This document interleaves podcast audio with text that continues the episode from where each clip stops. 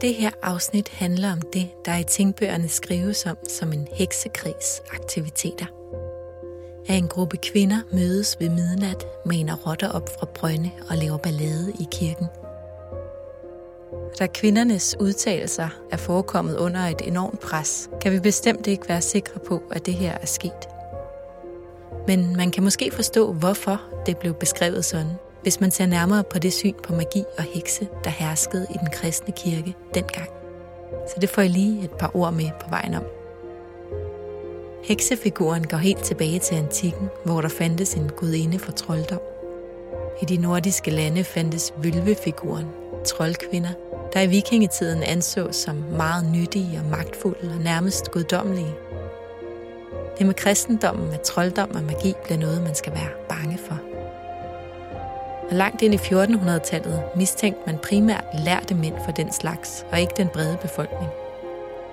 Det sker først, da inkvisatoren Heinrich Kramer får paven til at udsende et dokument, der opfordrer folk til at tage hekseri alvorligt. For hekseri kan findes overalt. Dokumentet er med i Kramers bestseller Heksehammeren, der er en manual til, hvordan hekseprocesser skal føres. Det er heksehammeren, at heksen bliver en kvinde. Hun fremstilles som et redskab for djævlen, som der må indgås en pagt med. Kramer forestiller sig i detaljer, hvordan hekse har sex med djævlen. Og det er også her, han forklarer, hvorfor hekse primært er kvinder. For hekseri kommer af kødets lyst, som for kvinder er umættelig. Og selvom det her heksesyn indføres af den katolske kirke, overtager store dele af protestanterne i de reformerede lande er der endda ekstra fokus på at vise sig som særligt fromme kristne ved at gøre meget ud af at jage hekse. Men der er stor forskel på eliten og den brede befolknings forståelse af hekseri. På landet bruges der stadig kloge koner, og det lader ikke til, at befolkningen er optaget af, om deres naboer indgår djævlepagter. Men flere steder finder man dog forestillingen om, at troldkvinder har en hjælper i skikkelse af et dyr, og at dette dyr kan være djævlen i forklædning. De blev kaldt heksens apostle eller kompaner, og kunne for eksempel være rotter, ravne, katte og skrubtusser. Og de her dyr, de fik tit nogle ret mystiske navne. Det kunne for eksempel være Raki, Hohoho, Dreng, Belzebub og Piper og nogle af de her navne kommer fra processerne i Køge. Men om det her er kvindernes egen forståelse af, hvad der er sket, det kan vi som sagt ikke vide. Jeg var på nippet til at stryge alt det, der handler om magi i denne her historie, fordi det lader til at være fanatiske kristnes forestillinger, påtvunget en gruppe kvinder under et stort pres. Det virkede altså ikke som et sted i historien, hvor at jeg kunne finde de her kvinders stemmer. Men så kom jeg i tanke om Lærke. Lærke Ebbe er, ja, det er svært at forklare. Hun har engang været i lærer hos en sangoma, og det er en slags shaman i Sydafrika, og det har hun skrevet en bog om. Den hedder Hende, der lod sig føre af vinden. Og i den beskriver hun en helt anden tilgang til det magiske, eller det, vi ikke rigtig har et sprog for.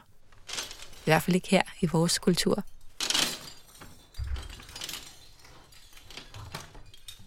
Vi sidder i en rund lærhytte.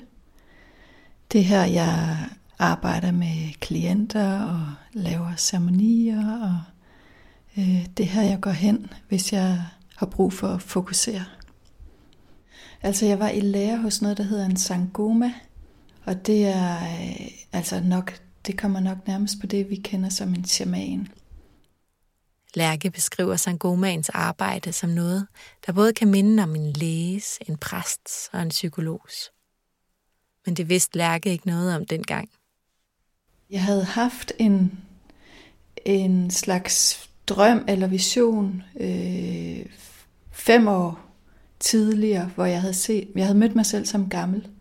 Og så havde jeg set et skilt ind på mit arbejdsværelse, og det skilt, det kunne jeg bare ikke forstå, og det havde sådan ligget i mit baghoved, imens jeg lavede alle mulige andre ting, som sådan et, øh, et stort nå. Og så var jeg så i Sydafrika helt andre årsager på en ferie. Og så da jeg var der, så kunne jeg mærke sådan en, en form for, faktisk som slags magnetisme, som tog fat i mig, og som så fik mig til at rejse øh, 1500 km ud på landet, øh, hvor jeg så mødte det her Sangoma-par. De sagde, øh, altså de simpelthen refererede til den drøm, som jeg havde haft. Og jeg følte, at de fuldstændig forstod, øh, hvem jeg var. Og at de kunne hjælpe mig med ligesom at, at øh, give mig et skub i den retning, som, som jeg skulle. Så på den måde så blev jeg rigtig glad, da de, øh, jeg blev meget rørt, da de inviterede mig til at komme lære. Og jeg kunne heller ikke forstå så, hvorfor at de så ud som om, at jeg burde have blevet ked af det, når de ligesom inviterede mig til at komme lære. Fordi jeg kunne se, at det var faktisk meget upassende, en upassende reaktion, jeg kom med. Øh, men det er, fordi jeg ikke vidste, hvad det indebar. så jeg havde bare en romantisk forestilling omkring, hvad det vil sige at, at gå i lære hos ja. en shaman. Men så blev du overrasket. ja.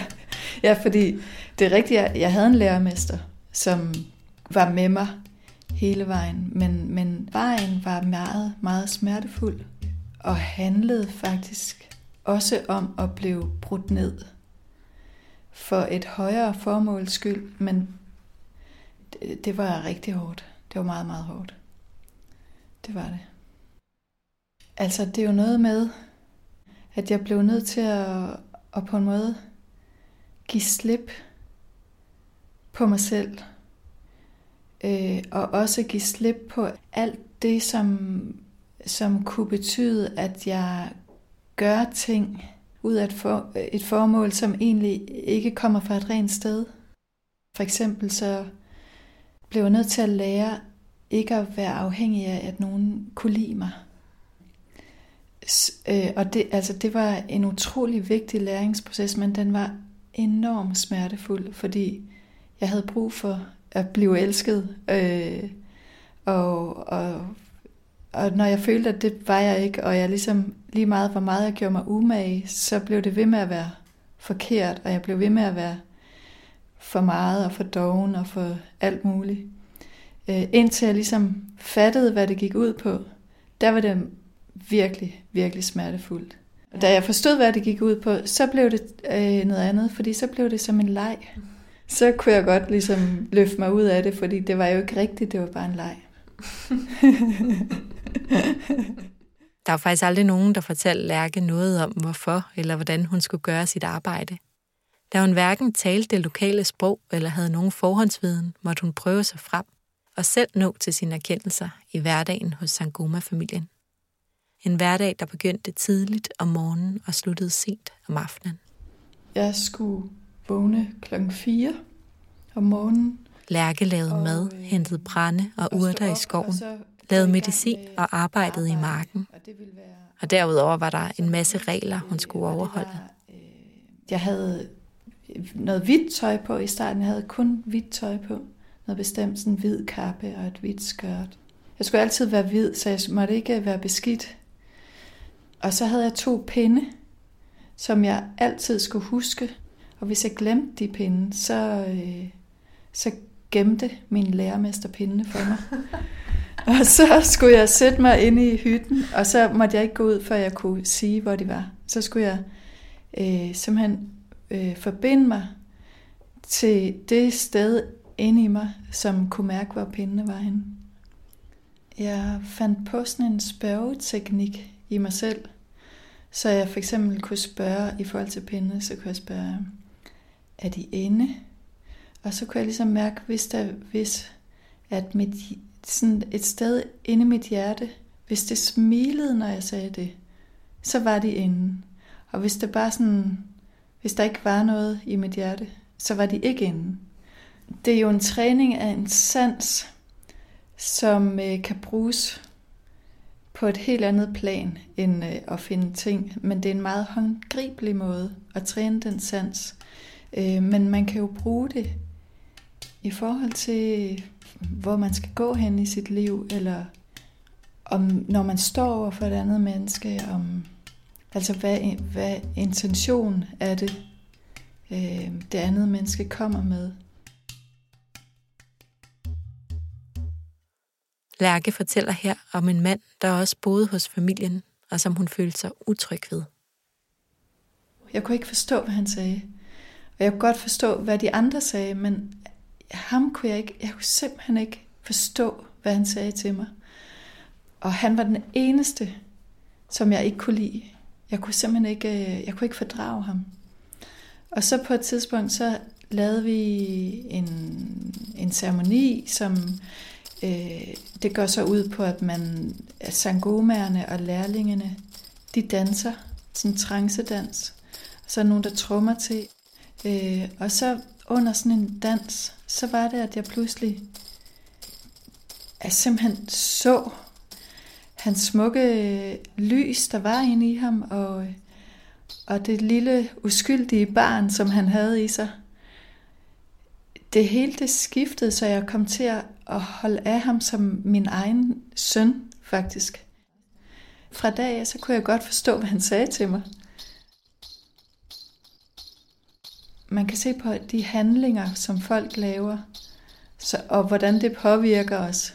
Men, øh, men man kan også se om bagved, og der er det jo så nogle gange noget helt andet, øh, man ser. Lærke beskriver arbejdet som en proces, hvor hun må adskille sig fra sine forestillinger om sig selv og om sin forbindelse til omverdenen, for at kunne forbinde sig til den igen på en anden og dybere måde. En måde, hvor hun også skal forbinde sig til historien og naturen, til sine forfædre og til dyrene. Det Lærke lært hos Sangomaen er noget, der har en vigtig plads i den sydafrikanske kultur. Men det har været svært for Lærke at finde en måde at føre sin viden og arbejdet med tilbage til Danmark. Det har taget mig tid ligesom at finde ud af, hvad, hvad gør jeg så med alt det, som jeg har lært, når nu virkeligheden ser helt anderledes ud her. Og det, som jeg gør, det er, at jeg passer på det som noget, noget vigtigt, som jeg også skal beskytte lidt. Der, der har jo været en, en angst for det uforklarlige, som jo så har faktisk overtaget dengang man brændte de her kvinder, som man kaldte hekse. Så alt det, som handlede om intuition, og som, som måske vi ikke øh, havde så mange ord for, det blev i hvert fald virkelig straffet med hårdt, og jeg oplever, at det er et ar, som vi har med os, øh, og som, som gør, at det er øh, meget sårbart og, og, og snakke om den slags ting, og at man hurtigt kan føle, at man får en over snuden, øh, hvis man øh, kommer frem med, med den her slags ting, samtidig med, at det også er en længsel i rigtig mange mennesker. Vi kan jo godt mærke, at der er noget, der mangler.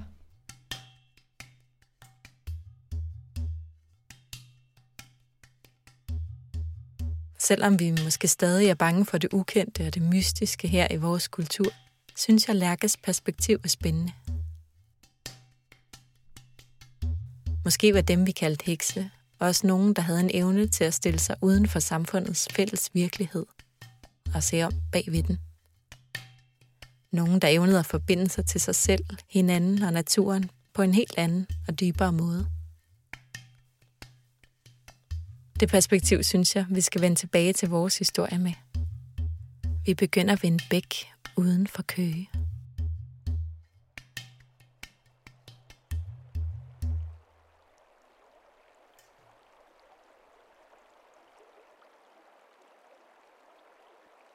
Vandet er klart mellem åkanderne.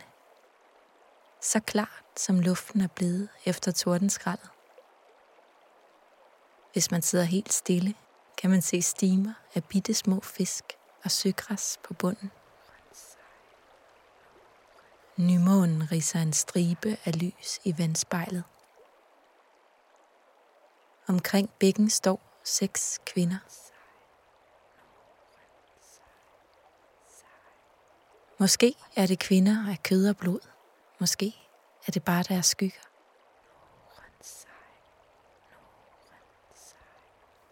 Måske er det deres drømme, der forenes her i nat. Det kan være Mette, Maren, Annika, Johanne og Kirsten. Og en. Hvem er hun? Mørket er køligt og blåt. Omkring bækken er mørkets farver. Solen sortner, jord synker i hav, de lyse stjerner slukkes på himlen, ildebrænde raser mod barnets bog. Høj, der er et lys, mørket ikke kan nå, og et mørke, lyset ikke kan brænde i. Hun ser anden gang, jorden kommer af havet, evig grøn, fos, fald. Er det Maren eller månen, der taler nu? Måske ved de det begge. Det er kun i cirkler, at magien virker.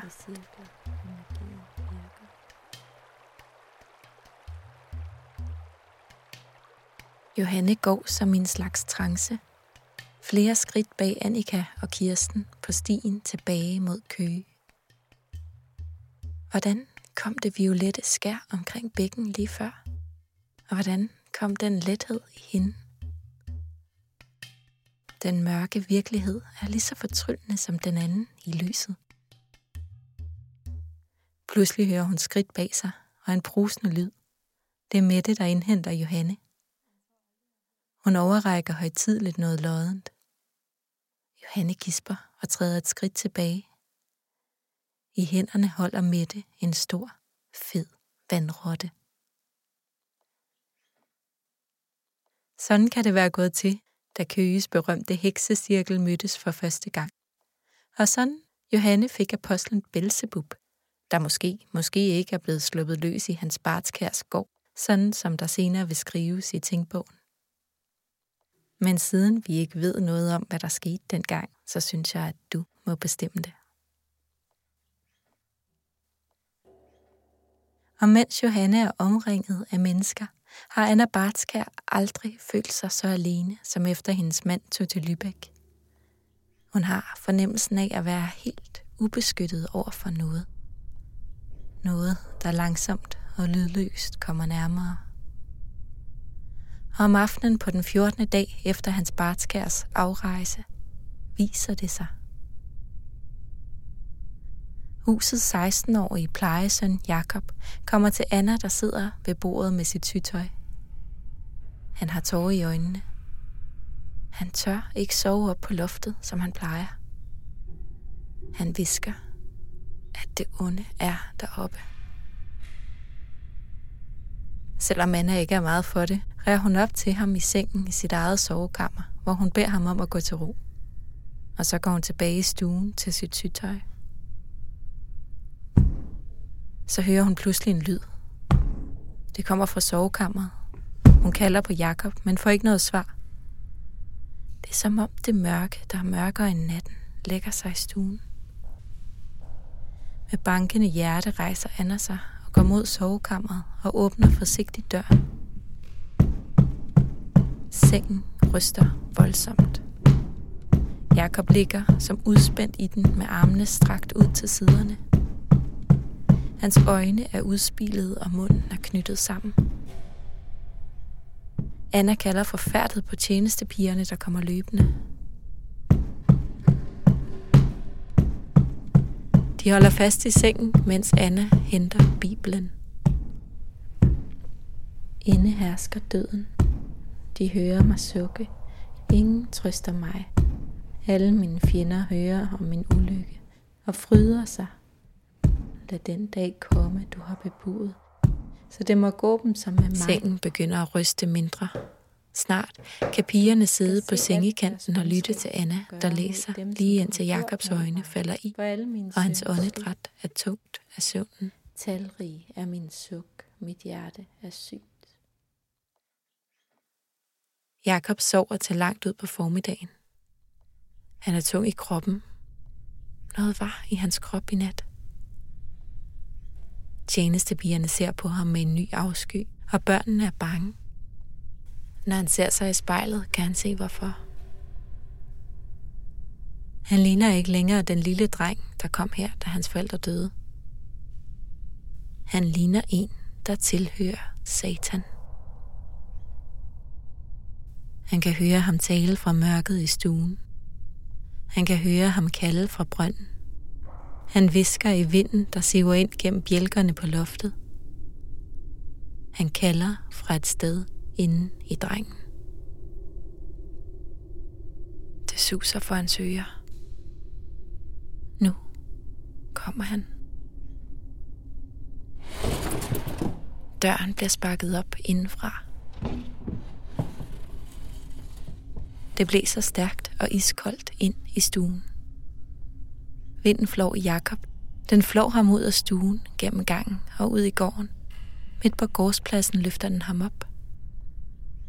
Kors fester ham på et usynligt kors i luften. Skal han dø? Men anklerne bliver tungere.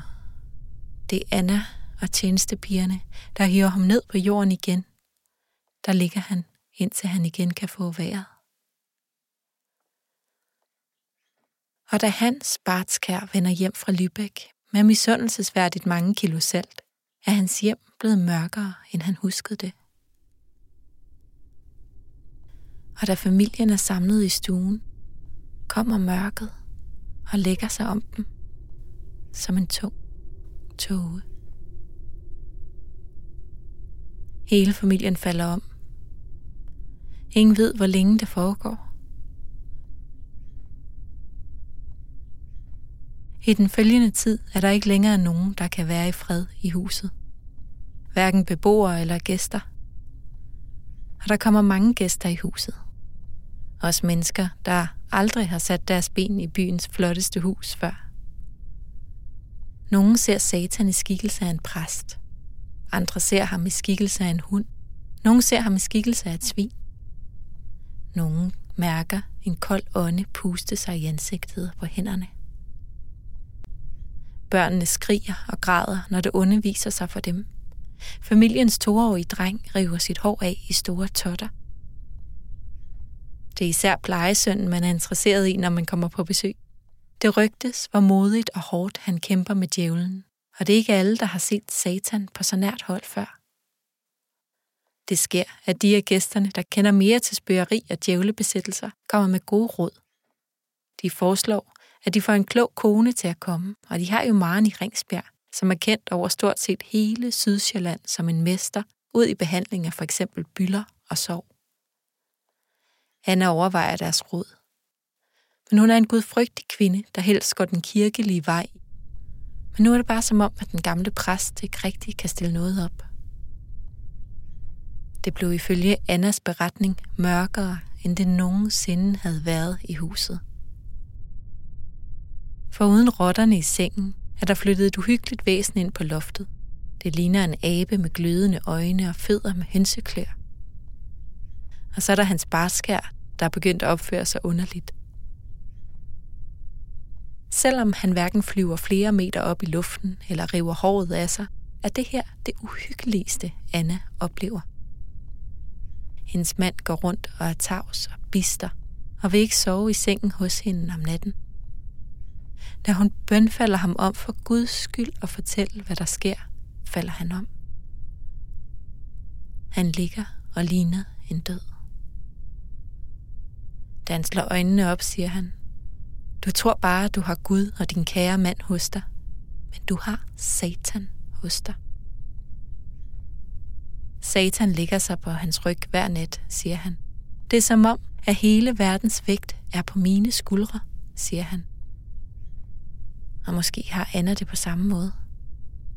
Hele huset er fyldt af ondskab. Et mørke så tungt, at præstens prædikner ikke hjælper.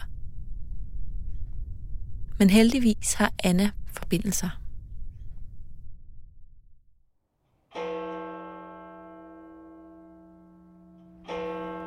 Klokken slår 12. Kirsten Lauritsdatter tager i kirkedøren. Hun tager et par varsomme skridt over stengulvet. Hun kan se lys inden fra midten af rummet. Et flakkende lys, der i glimt falder over Annika og Johannes ansigter. Hun følger efter dem op ad en vindeltrappe, helt op i klokketårnet, hvor Kirsten aldrig har været før. De store klokker oplyses af det lys, Johanne bærer foran sig. Udenfor hænger stjernerne på den sorte himmel. Køge ligger under dem. Annika finder bogen frem, slår op på en side fuld af kruseduller og begynder at mumle noget. Kirsten ser skiftevis fra Johanne til Annika. Så hæver Annika stemmen. Amen. Længere himlen i dig, over hersker far ingen og egen din nu er du. Udøbt er du. Dåb, himmelske din dig fra sig. Laurits datter, Kirsten, vil du. Johanne svarer, at det vil hun, og så retter hun sig til det formelle bagvendte. Hun vil det. Men nu er Kirsten træt af ikke at forstå, hvad der foregår. Hun spørger højt, hvad det er, hun vil. Det giver genlyd mellem klokkerne. Johanne hisser sig op.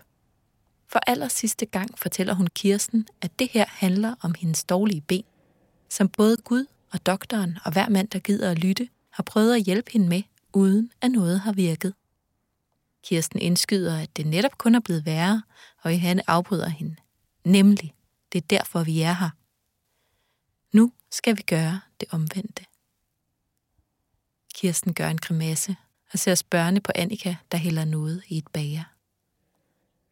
Annika siger, at for at kunne stå på egne ben, må man også virkelig gøre det. Hun blinker og lader bæret gå rundt. De tager hver en tår.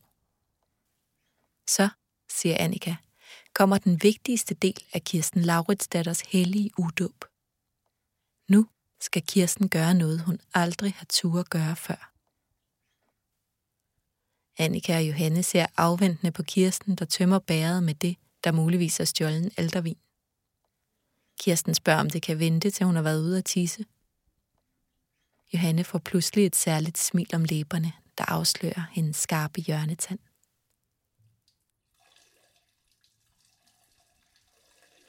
Måske var det sådan, det gik til, at Kirsten Lauritsdatter tissede i døbefonden i Sankt Nikolaj Kirke. Måske. Hvis det altså nogensinde kom så vidt. Det vil hun i hvert fald senere sige under forhør. Ligesom at handlingen overhovedet ikke hjalp på benet. Men det ligger endnu i fremtiden. I Nordrup banker Anna på præsteboligens dør med faste slag. Præsten spørger venligt, hvad hun må bestiller her i Nordrup, og Anna skal lige til at fortælle ham alt om mørket og besættelsen og hendes mand, da en mand træder ud af kammeret bag ham. En herre med et fugleagtigt ansigt og et klart, blåt blik. Præsten præsenterer ham, men Anna hører ikke rigtigt, hvad der bliver sagt. Måske var det den agtværdige Mads Jensen. Og henvendt til herren siger præsten, at det her er Peder Pedersens datter, Anna. Manden smiler elskværdigt og siger, at Annas far var en meget betydningsfuld mand. Så giver Anna sig til at fortælle. Præsten sætter sig i stolen og nikker venligt, men lytter ikke med nær samme interesse som manden, der muligvis hedder Mads Jensen, der læner sig ind imod hende og stiller spørgsmål. Anna tænker sig om og svarer så godt hun kan. Manden, der muligvis hedder Mads Jensen, siger, at det her er et alvorligt eksempel på djævlebesættelse.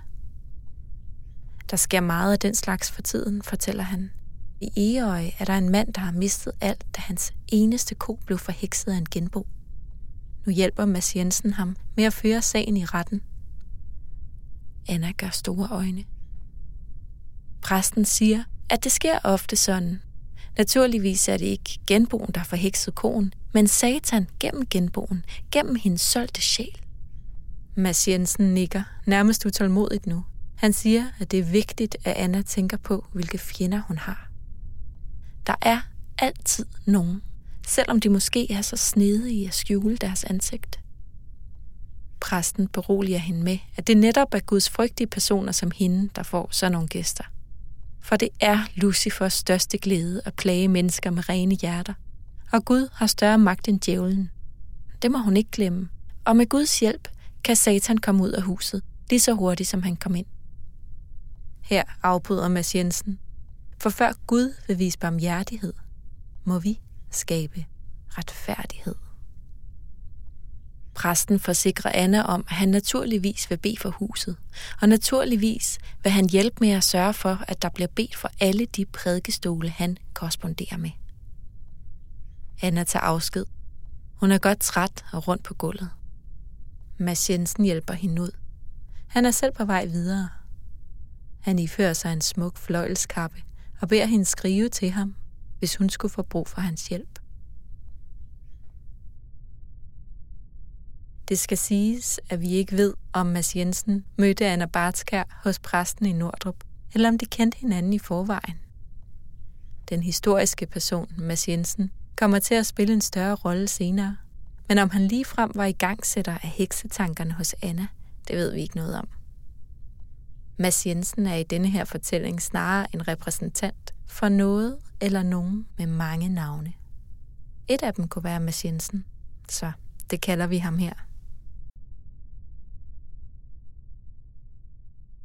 Det er en kølig og klar formiddag. Johanne Thomasis er i udmærket humør. Voldborg Bøtgers er nu gået over til at handle med hende.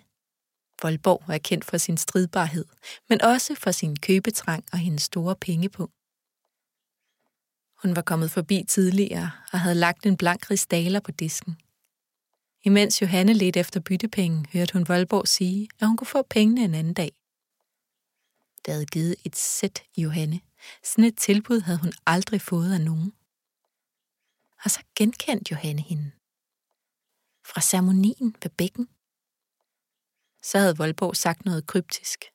Noget om, at Johanne kunne få brug for at rejse langt væk. At det kunne være klogt af hende at gøre det. Men Johanne ser ingen grund til at rejse. Hun fløjter ved tanken om alle pengene, hun har i vente med Voldborg som kunde. Johanne er på vej ned ad gaden mod Jakob Meyers øludsalg, og det gør hende næsten ikke bitter at passere nabohuset, der skulle have været hendes, men nu er hans Bartskærs. Mens Johanne går der i sine egne tanker, træder Anna Bartskær ud af porten. Anna har lige forladt et skrigende barn med den frygtsomme tjenestepige og hendes mand, der pludselig opfører sig så underligt og ubehageligt. Hun lukker porten bag sig og ser så lige der en kvinde, hun så længe har næret et svagt og ubegrundet mishag ved. Hun ser, hvordan Johannes mørke øjne er fyldt af en sær fryd. Så mærker Anna pludselig, hvordan hendes hjerte hamrer i brystet. Hvordan hendes krop fyldes af et voldsomt raseri. Hun sætter et spring imod hende, med armene foran sig, og giver Johanne et skub, der næsten får hende til at falde bagover. Johanne genvinder balancen, men er helt forvirret over at se Anne sådan. Der er noget brysk, nærmest blodtørstigt over hende. Folk samler sig om dem. Nogle prøver at få Anna til at falde ned, mens andre opildner hende. Nogle hører, at Anna kalder Johanne for en satans kvinde, og siger, at hun har ført mørket ind i hendes hus. Nogle ser Johannes bakke ud. Nogle siger, at det skændes som et hus. Andre siger, at Johanne er ude efter Annas mand, men da Johanne får skubbet sig ud af mængden, hører man hende råbe, at Anna ikke vil slippe godt fra det.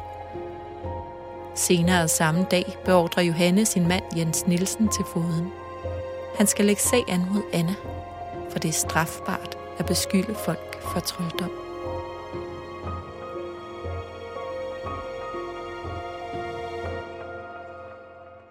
I næste afsnit skal vi høre, hvad der sker efter Johanne og Anna har mødt hinanden jeg kan godt afsløre, at det får ret store og uventede konsekvenser.